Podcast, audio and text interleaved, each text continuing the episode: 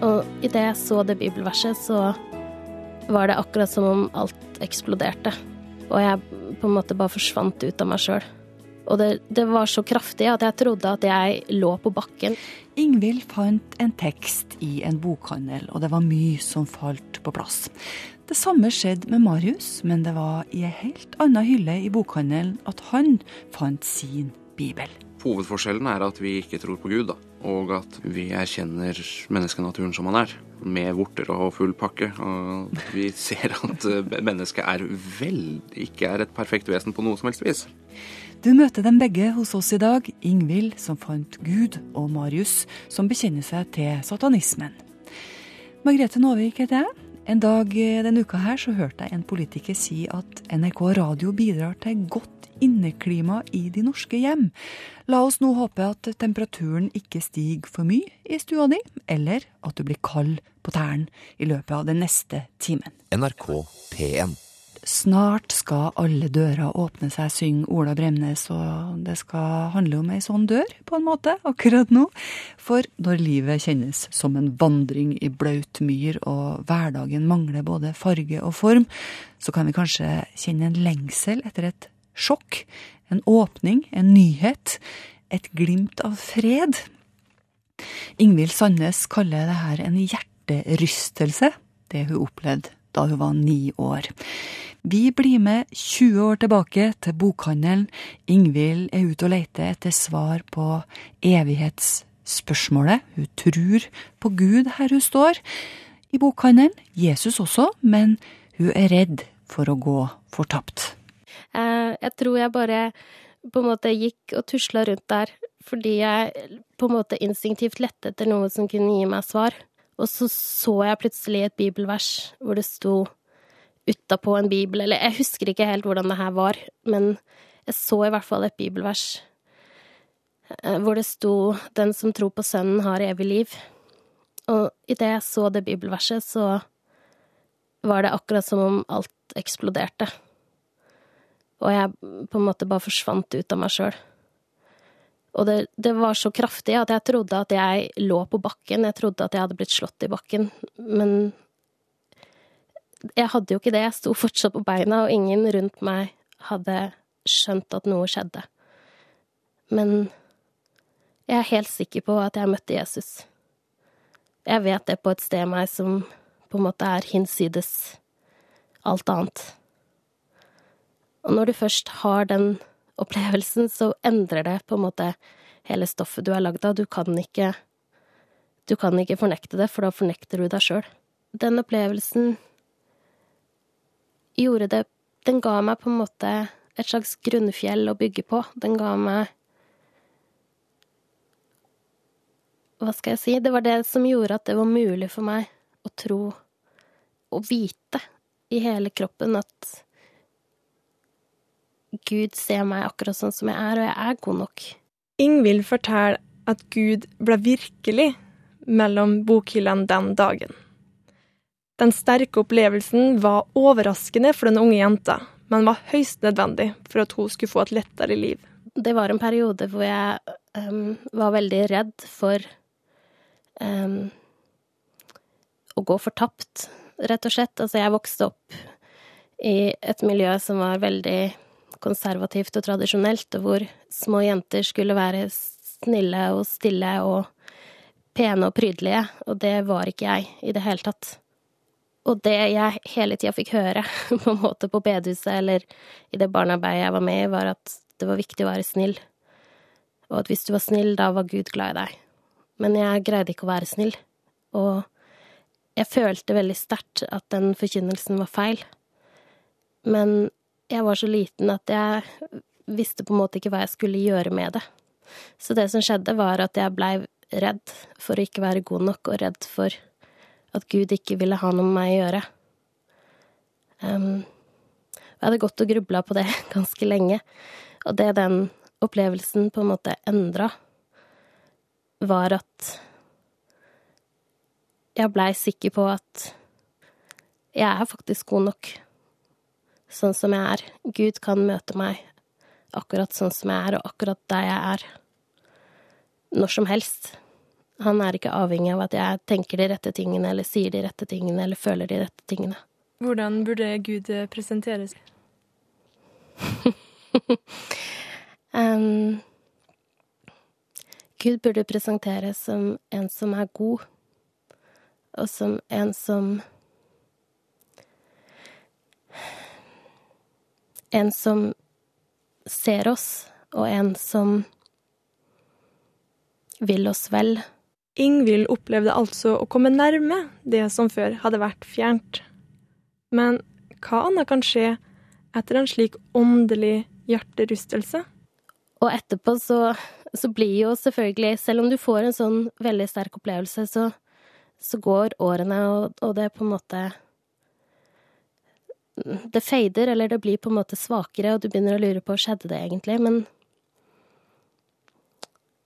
Men jeg vet at det skjedde, og jeg tror at hele veien etterpå så har jeg lengta etter å få erfare det samme en gang til. Hvordan har du lett etter en sånn ny erfaring?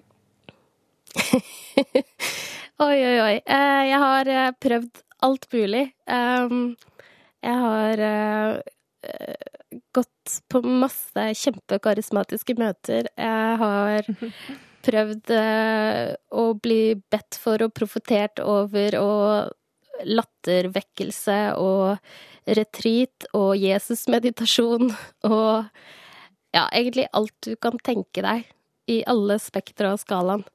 Um, men det er på en måte ingenting av det som har funka. Um, eller hva skal jeg si? Jeg har aldri fått akkurat den opplevelsen igjen, men jeg har likevel hatt en sterk opplevelse av, og seinere, at Gud er nær, og at han bærer meg. Så du eh, higa etter en opplevelse? Ja, eller hva skal jeg si? Det jeg higa etter, var vel kanskje først og fremst Gud. Um, å bli mer kjent med Gud. Å komme enda nærmere Gud. Fordi jeg skjønte at her er det et eller annet som er så sterkt at det på en måte sprenger hele virkeligheten. Ja, det er, det er veldig vanskelig å sette ord på. Um, for det er på en måte en språkløs opplevelse. Men ja. Det er som om du har fått heroin én gang, og så kan du aldri få det mer. Altså, jeg vet at det er en helt forferdelig sammenligning, men, men jeg, jeg, finner på en måte ikke noe annet som, som eh, kan begynne å forklare det, tror jeg. Er du fortsatt på jakt etter en slik åndelig opplevelse? Jeg hadde ikke klaga hvis det ramla ned i huet på meg en gang til. Det hadde jeg ikke. Um, men jeg, jeg, har på en måte landa litt på at om det ikke skjer, så er det heller ikke så farlig. Um, jeg Jeg kjenner meg mer trygg på nå at Gud er der uansett om jeg kjenner det eller ikke. Det er ikke mine følelser som er viktig. Um, Gud er Gud, uavhengig av meg. Ingvild Sandnes har kommet ut med boka Hjerterystelse, hvor hun funderer over trua og livet. Vi hørte Ingvild i samtale med Benedikte Bjørkmo. Vi skal møte eh, en kar som kjente seg igjen i en helt annen bibel straks. Marius er satanist. Vi hører en etter musikken. Skal tru hva du tenker når jeg nå sier at jeg har besøk i studio av en satanist. Hvem tror du sitter her da? Ser du kanskje for deg en svartkledd kar som tenner på kirka? Tenker du på langhåra rockere og døde dyr og tungmetall? Ja, det er ikke så rart. Satan er hebraisk og betyr motstander. En satanist stiller spørsmål til det bestående. Nå skal du få møte Marius. Han er satanist. Hallo. Hei. Hei. Der, vet du. Stakkar. Vært skikkelig sånn trimtur på slutten. Han har eh, stressa rundt for å finne riktig inngang i NRK-huset, og nå sitter han her i sine grønne sko og sin grønne lue innendørs. Det skal sies at eh, skal han inn i ei kirke, så putter han lua i jakkelomma. Marius Huseby er en helt vanlig mann med helt vanlig folkeskikk. Det sier han nå sjøl, og dem som kjenner han sier det dem også. Han syns at kirkebyggene, og da spesielt stavkirkene, er vakre, og han har ingen forståelse for folk som setter fyr på dem. Ingen, bare så det er sagt. Og han har oversatt den sataniske bibelen til norsk. Vi har en del spørsmål på blokka, og spørsmål nummer én er hvordan ender man opp som satanist? Ja, nei, jeg kom over uh, sataniske bibelen i, uh, i Danmark, hvor den heter Satans bibel. Uh, tilbake i 97, da var jeg 14 år gammel. Og leste den og fant ut at hm, dette her er noe for meg. Og så kom jeg Jeg leste boka bare i, i bokhandelen. Satt der en times tid. Og hadde det der i bakhodet helt til jeg var rundt 18-19 og fant boka igjen. Og da hadde jeg modna en del, da, så da fant jeg ut at da, da begynner det å bli greit å kalle seg det òg. Når du oppdager satanismen, mm. så, og du leser om det, så, det ikke, så, tenker du ikke 'sånn vil jeg bli', men 'oi, det er jo sånn jeg allerede er'. Hvordan er det? Hva var det du kjente deg igjen i da du leste? Det var jo bare verdensanskuelsen, da. Det å være skeptisk til uh, spiritualitet, til å sette en berykta stor figur som et symbol for alt som er godt. Være kritisk til hvem man sløser bort kjærlighet til. Alt det. Ok, Så du sparer litt på kjærligheten? Sparer kjærligheten til de som fortjener det. Men når vi sitter og prater her nå, da? Mm. Er det noe kjærlighet da, da? Altså mellom folk du møter på gata, eller er det utelukka å liksom gi kjærlighet til noen du ikke kan investere i? Nei, det er ikke utelukka. Så i utgangspunktet så er du åpen for å gi kjærlighet til folk ja, ja. du møter? Ja. ja. Satan betyr motstand, sier du. Ja. Uh, er det et poeng å si at du er satanist for å få motstand? Nei, det er ikke det. Innimellom så kanskje tvert imot. Jeg tok, gjorde det valget når jeg oversatte sataniske bibelen om å være offentlig med det, men uh, de aller fleste er jo ikke det. Fordi? Det fordi det kan mange som ikke vil ha trøbbel med jobb eller familie og venner og, og sånne ting. Hva tenker du om det? At de ikke Nei, at, at de reaksjonene kommer? Jeg tenker at det er jo sånn mennesker fungerer. Vi, vi er jo mildt sagt skeptiske til alt som er annerledes.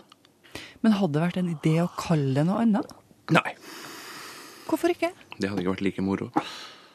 Så det er en slags glede over å provosere, da? Ja, ja, ja. Det er jo, altså, det er jo mye for uh for underholdningsaspektet. Det, det, er jo, det det er jo show, showbiz. All religion er jo showbiz, men uh, kan si satanisme er vel kanskje den eneste som innrømmer det åpent. Mm. Ja, det fins også en uh, satanisk bibel, og det fins regler for hvordan man skal leve som satanist. Denne boka, Den sataniske bibelen, ble skrevet på 1960-tallet av Anton Lavey. Lavey stifta også The First Church of Satan i San Francisco, og Marius er altså en del av den bevegelsen som springer ut av denne kirka. Han forteller at eh, de som kalte seg satanister på 90-tallet, som var destruktive og satt fyr på Fantoft stavkirke og Holmenkollen kapell mellom de tok avstand fra akkurat denne bibelen som Marius har oversatt fordi den var for puslete. Den var for snill. Den retningen Marius går i, den er filosofisk, ideologisk. Han er ikke religiøs, sånn som de her eh, satandyrkerne er. Han tror verken på Gud eller djevelen. Og de fleste reglene i satanismen er forståelige. Skad ikke små barn en av dem. Drep ikke dyr med mindre du trenger mat eller er trua på livet. Det er en annen. Ha respekt for andres eiendom. Ikke gi råd hvis du ikke blir spurt. Noen er mer problematisk. Man skal ikke drive med måtehold, f.eks. Man skal fråtse og følge sine lyster. Betyr det f.eks. at man ikke skal føle skyld? Man kan jo, føle- selvfølgelig kan man føle skyldfølelse sånn hvis man har gjort noe vondt mot noen andre, og man angrer på det. Mm.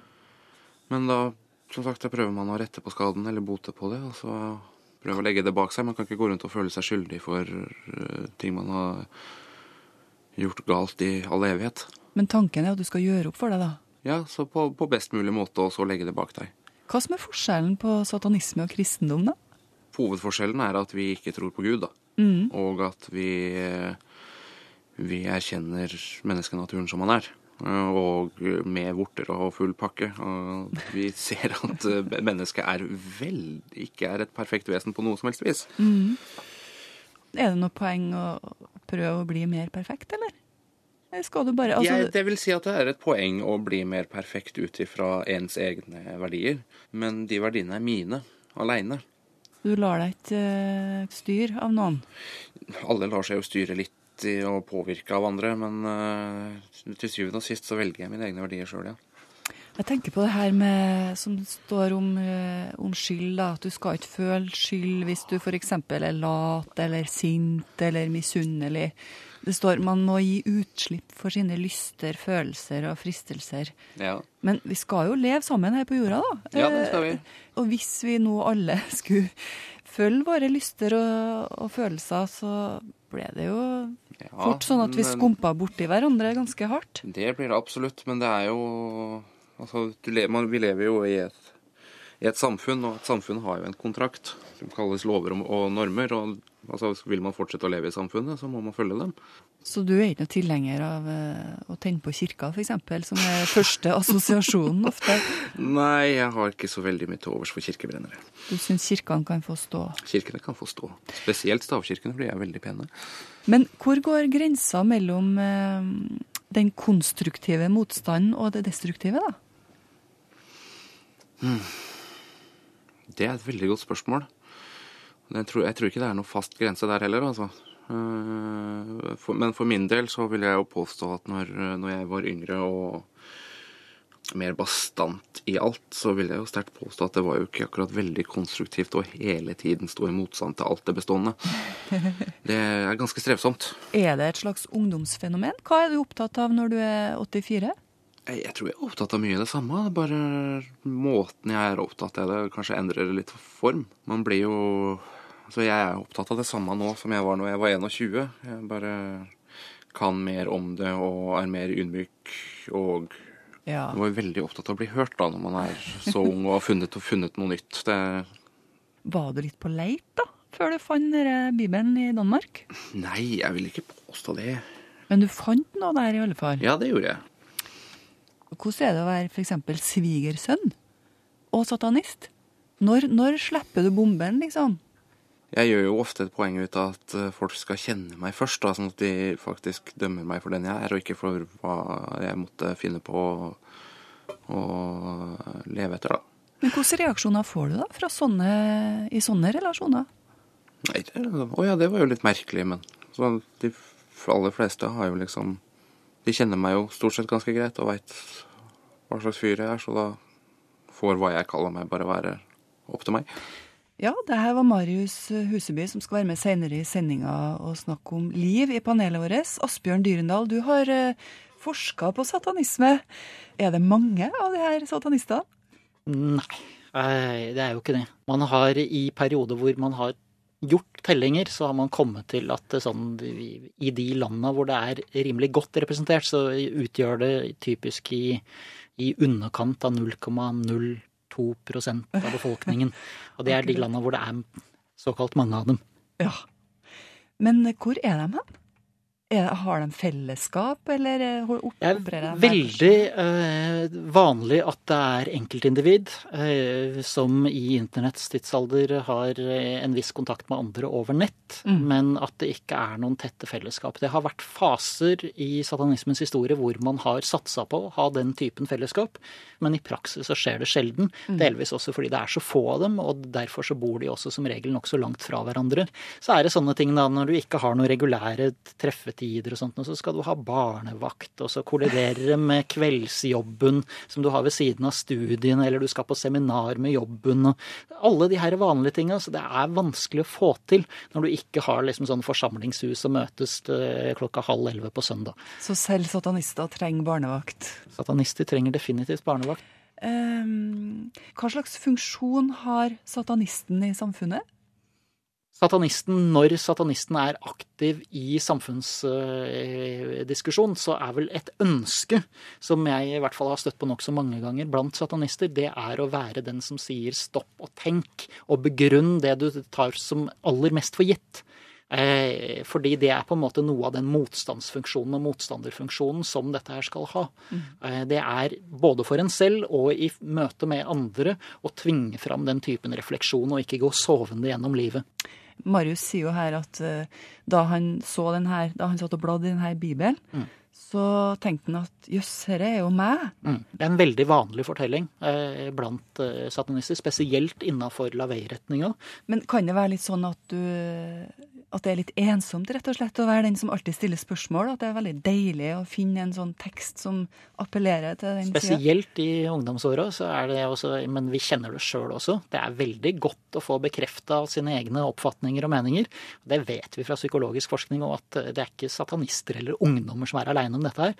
Eh, eldre er bare flinkere til å ljuge for seg sjøl om det. Det som kanskje noen lurer på, er er de farlige? Kan, når er det farlig? Altså, det er ikke noe i seg sjøl med eh, ideologien her som er farlig. Det er ikke noe grunn til å være så veldig urolig overfor dette her. Eh, sånn I utgangspunktet så er det sånn at av og til så dukker det opp noen eh, enkeltindivid og enkeltgrupperinger hvor du får en sånn forsterkning forsterkningseffekt. Eh, de konkurrerer om å være på et eller annet vis verst. Men det er et annet type fenomen enn denne typen satanisme. Enkeltindivider begår eh, enkelthandlinger mm. her også. Mm. Eh, men på tross av at du da har et veldig sånn jakt på de ekstreme uttrykkene, så er det veldig sjelden de ytrer seg noe særlig i form av handling. Forstår du det? Altså Forstår du at folk kan gå inn i det? Det er ikke noe vanskelig. Nei, rett og slett. Asbjørn Dyrendal, takk for at du kom og gjorde oss litt mer opplyst. Etter musikken her så tar ordkløyverne Beate, Didrik og Marius for seg ordet liv, intet mindre. Vi spør fins det noen liv som er mer høyverdig enn andre? NRK P1 Panelet. Ja, jeg heter Didrik Søderlind og har i dag på meg eh, kordfløyelsjakke og tweedvest. Jeg heter Beate. Og nå når eh, det begynner å gå mot høsten, så tar jeg fram de svarte klærne mine. Det er liksom at det er høsten og vinteren og gå i litt mørkere klær. Jeg liker svart veldig godt. Men da går jeg alltid med en rød leppestift i lomma. Jeg heter Marius Huseby, og jeg liker å late som om jeg er musiker. Jeg er omtrent 1,80 høy, har uh, hår på toppen av huet, helskjegg og masse tatoveringer. Ordet i dag er liv jeg, jeg, tenker jo at det er jo en, en forskjell mellom eh, mennesket og resten av eh, naturen, da. Hva er forskjellen? Altså, i, i, eh, i, kristen tradisjon og ifølge skapelsesberetningene, så er jo mennesket satt til å forvalte resten av naturen, og det er jo det vi gjør. Vi er jo øverst i den, de, det hierarkiet. Samtidig som vi er utlevert til naturen, sånn at vi, det går jo begge veier. Hvis vi ikke tar godt vare på naturen, så slår den jo tilbake. Mm. Hva syns dere om Beates eh, hierarki, gutter? Hvis vi har blitt satt til å forvalte naturen, så har vi gjort en jævla dårlig jobb. Da, da, setter jeg veldig spørsmålstegn til, til, evnene til han som har satt oss i den jobben. altså. Så Du syns at eh, vi har blitt gitt for mye tillit da, og for store fullmakter på en måte? Det burde vært stramma inn litt. Ja, hvis, vi skal, hvis, vi skal, godta din, eh, din, måte å tenke på, så ja. Mm. Altså her, her, sliter jo humanismen med noe av det samme som kristendommen sliter med, med, nemlig ved at uh, humanismen sier at det er noe, noe, spesielt med mennesket som gjør at mm. vi har et spesielt krav på verdighet og beskyttelse og sånn. Mm. Uh, samtidig så kan jo det føre til en, uh, altså en antroposentrisme som blir som, som, kan gå på bekostning av andre ting. Da. At du setter mennesket i sentrum? Ja, at man liksom blir At, at, at man liksom da tenker som så at, at mennesket betyr alt, og, og, og, annet liv betyr ingenting. Kanskje må kristendommen også ta en del ansvar for det her, den der antroposentriske tilnærminga som du nevner, at mennesket har eh, tatt for stor plass, tatt seg for mye til rette, på en måte opphøyd seg for mye i forhold til, til respekten for resten av eh, skaperverket, da, eller naturen, eller hva dere kaller det. Men eh, hvis vi snakker om hierarki, så har jeg forstått det sånn at eh, i satanismen så er dyrene edlere vesener enn mennesker? I mange Marius? tilfeller, ja. Det, er, men det, er, altså, det kommer litt an på hvordan man ser det. Renere kanskje, mindre i stand til å være grønnjævlige mot hverandre. Og det gjør dem strengt tatt til bedre. Men jeg lurer jo på om vi kanskje ikke har forstått dyrene, altså hvem de egentlig er. Eh, Det er sånne helt egne erfaringer med katta mi, da. Jeg syns at hun, hun kommer liksom og legger seg midt på hjertet mitt noen gang. Og det syns jeg er så fascinerende. Hvorfor går jeg akkurat dit? Der eh, lurer jeg litt på altså, om det er mer mellom himmel og jord enn det vi har, har sett og skjønt, mm, i forhold til hvem dyrene er. Mm. Men dyr er jo intelligente, og, de er, og husdyr er ofte veldig flinke til å finne ut hvordan de skal få mer mat og kos på. Så, Og du tror det er bare sånne egennyttige verdier bak? Du, du tror liksom at hun kommer og er snill mot meg bare for at hun skal få fisk, liksom? Nei, men, det er jo, et- men det er jo et fornuftsekteskap. Det- Nei, det er jeg helt uenig i. Jeg snakka med en eh, naturfotograf en gang som sa det at eh, han trodde ikke på Gud, men eh, når han så i øyet på et rovdyr, så kunne han tro på Gud. Jo, det er absolutt et øyeblikk du får at en slags transcendens, og, og at man, man forstår at det fins andre former for bevissthet, andre former for intelligens. Eh, og sånn, og jeg er veldig fascinert av, av dyr. I, og, og særlig, særlig rovdyr. Spesielt rovdyr er jo altså Veldig mye av det som er morsomt med en katt, som gjør at vi syns katter er så artige, det er jo nettopp drapsinstinktet. Snakk for deg selv. Jo, men altså, du, kan, du, kan, du kan leke med en katt. Ja, ja. Ja, du kan ikke leke med en hamster eller kanin på samme måten, eh, fordi de har ikke det drapsinstinktet. Jeg syns en av de flotteste tingene som er sagt om, om naturen, er sagt av eh, filmregissøren Werner Herzog, som, som sier at når han ser en, en, en vakker lysning i skogen på en solfylt, fredelig dag, det han ser, er massemordets harmoni. Han ser eh, at naturen er nettopp ser så fredelig ut, eh, og sånn, fordi eh, alt henger i en balanse hvor alle kjemper mot alle. Og, en, Man skal selvfølgelig ikke se seg blind på det. Da kan man jo lett dette over i sånn sosialdarwinisme og sånne ting som jeg syns er tullball. Men, men det, er en, det er et aspekt ved naturen som, er, som man må være klar over. Eh, Det øyeblikket man begynner å, å sånn, eh, prosjisere Disney-filmene man så som liten over på sin katt eller sin hund, så går det veldig gærent. Men du, nå har vi snakka liksom om eh, det gode med dyrene, så har vi snakka om drapsinstinktet og den rovdyrskia på en måte. Jeg tenker at forskjellen er at, de- at de er usortert på en annen måte, og har en annen bevissthet, som du, du var inne på. I forholdet, De bare er, og de, de har alle de instinktene i seg, og de lever etter det som instinkter. Vi, eh, vi har det gode og onde i oss. eh, eh, på en annen måte, og muligheten til å gripe fatt i det med vår bevissthet og, og styre det på en annen måte enn en dyr har. Eh, og det er forskjellen, tenker jeg. Baktanker. Vi har baktanker. Ja, vi har baktanker, vi har impulskontroll, og mange ganger mangel på det, selvfølgelig. Men uh, mm. uh, muligheter til å reflektere over egen uh, eh, egne instinkter, egne følelser, egne handlinger på en helt annen måte, da. Eh, og, og muligheten til å skape om på godt og vondt, og skape godt da, på en annen måte. Gå for ting på en annen måte enn en dyrene har, tenker jeg. Men her har jo både Beate og Marius rett. Beate har rett i at mennesker kan, være, kan velge å være bedre enn dyr, mens Marius har rett i at vi ofte velger å være verre enn dyr. Men jeg vil jo også ta sterkt på være, vil si meg sterkt uenig i Beate sin definisjon av drapsinstinktet i dyr som ondt, som det virka som hun gjorde nå nettopp. For det, det bare er. Ja. Det, det, er det er verken godt eller ondt. Det er sånn de overlever. Ja. Er det ondskap å drepe for å overleve? Når du er katt? Ja, du, du mente at jeg på en måte satte en moralsk merkelapp på instinktet, da, på Ja, et vis. Og, Det var det, det var det jeg fikk inntrykk av. Ja, nettopp. Uh, ja, jeg kaller jo det det gode og det onde, men det er kanskje problematisk, ja. Mm, jeg ser den. Um, vi starta med liv og endte opp på dyr. Er vi fornøyd med det? ja, I panelet vårt i dag så satt Beate Lerdal, Marius Huseby og Didrik Søderlind. Hvor mye religion skal vi ha i det offentlige rom? Skal vi kunne snakke om det vi tror på, overalt, hele tida? Ta for eksempel Human-Etisk Forbunds tenkebenker, som nylig ble satt ut eh, rundt om i landet. Og Rigmor, som var ute og mosjonerte, satte seg på en av de her tenkebenkene og ble så ergerlig over den her humanistiske teksten at hun måtte finne seg en annen benk å hvile seg på. Det er Vårt Land som forteller det her. Livssyn griper liksom inn i livene våre overalt, og det her diskuteres rundt om i verden. Hvor mye livssyn skal vi tåle å støte på i fellesrommene?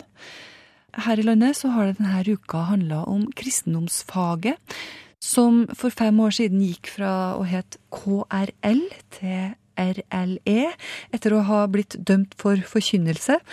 Og nå vil vår nye regjering ha K-en tilbake. K for kristendom, altså. KRLE. Og i 55% av tida så skal det undervises i kristendom. Frankrike går motsatt vei. På grinda inn til franske skoler så henger nå nye regler som skal gjøre skolehverdagen enda mer fri for religiøs bekjennelse. Hver elev har selvsagt rett til å tru, men det er ikke lov å reklamere for sin egen religion når man er på skolen, sa utdanningsminister Vassin Payon da han lanserte de nye reglene her om dagen. Reglene har fått stor oppmerksomhet, og nå har lærerne fått en ekstra oppgave, nemlig å forklare de nye retningslinjene. For meg, en école laïque, c'est une école. Enfin, chacun a le droit de penser ce qu'il veut, mais, euh, mais il le montre pas. Mais... Jag tycker de nya reglerna är bra. Här står det bland annat att det är förbjudet att propagera för sin tro i skolorna, säger en 16-årig elev på en gymnasieskola i östra Paris. Ett tiotal olika regler om konfessionslöshet ska ristas in över porten till varje fransk skola. Eleverna ska även tilldelas en anteckningsbok med regelverket. Klassens lärare här säger att tack vare konfessionslösheten kan religiösa extremister inte påtvinga någon annan sin religion. À partir du moment où vous respectez celle des autres et que vous ne forcez pas les autres à croire comme vous. Ja, regler om konfessionsløshet skal hjelpe elever att ikke bli dominerade av et fåtal religiøse ekstremister, sa utbildningsminister Vincent Payon inför et stort mediauppbåd häromdagen.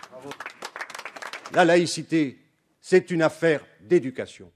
Att man nu förstärker konfessionslösheten i de franska skolorna beror bland annat på att allt fler lektioner i historia slutar med bråk.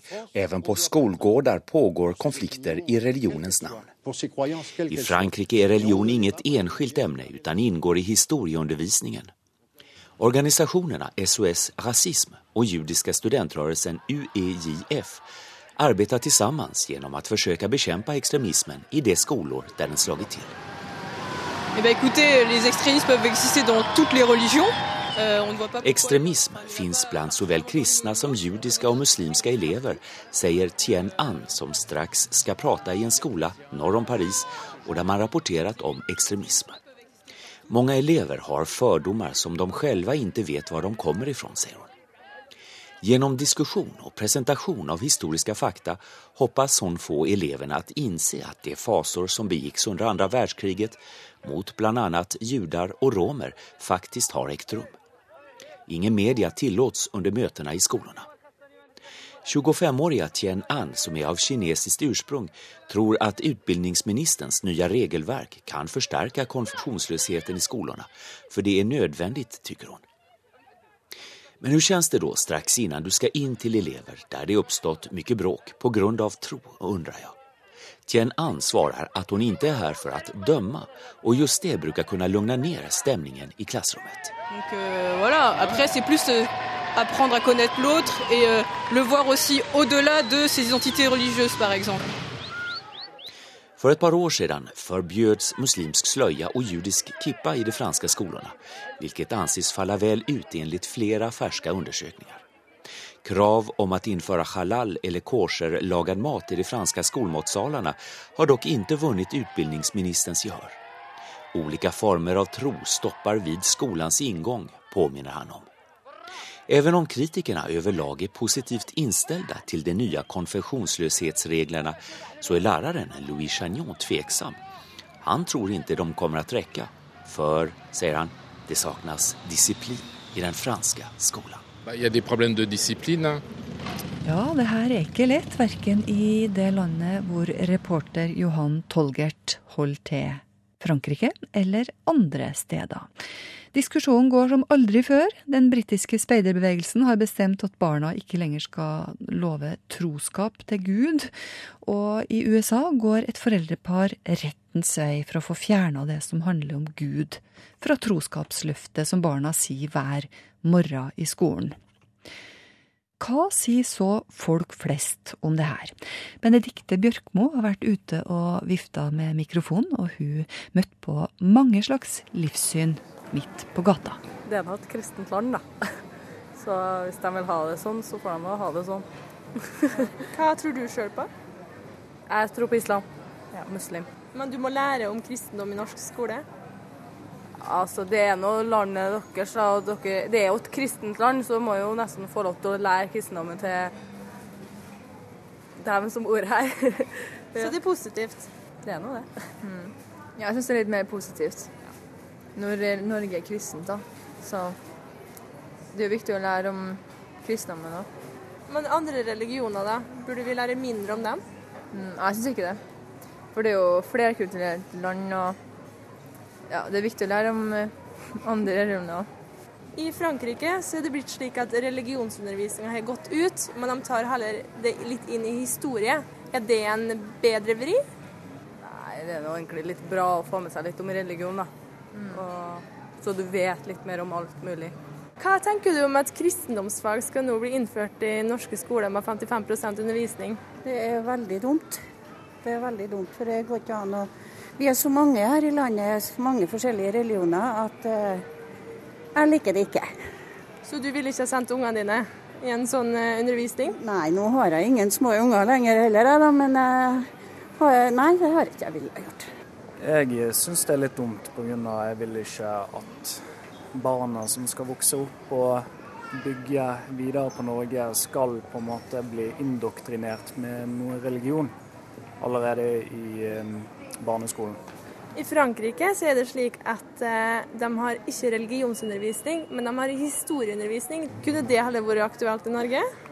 Jeg synes ikke det, egentlig. Jeg synes det er veldig fint som det er. At vi kunne hatt litt mer lik, lik fordeling, da. De har, kristendommen er jo med nå også, så jeg synes egentlig det burde være sånn det er nå, da. Ja, det tror jeg hadde vært en bedre måte å gjøre det på. å Få kristendommen og andre religioner inn i skolen. Så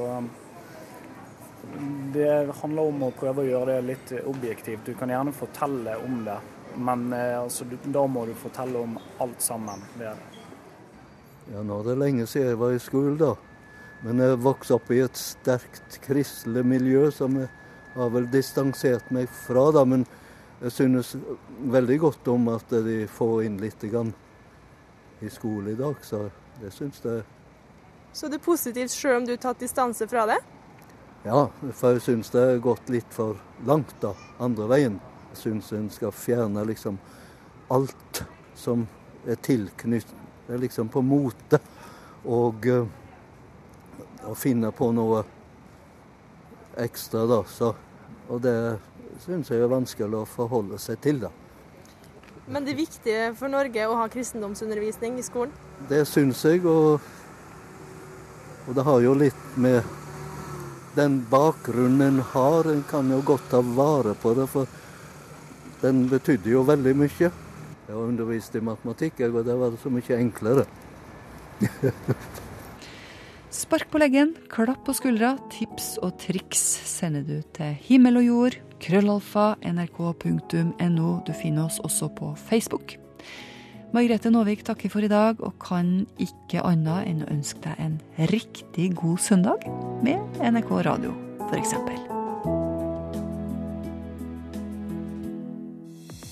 Hør flere podkaster på nrk.no podkast.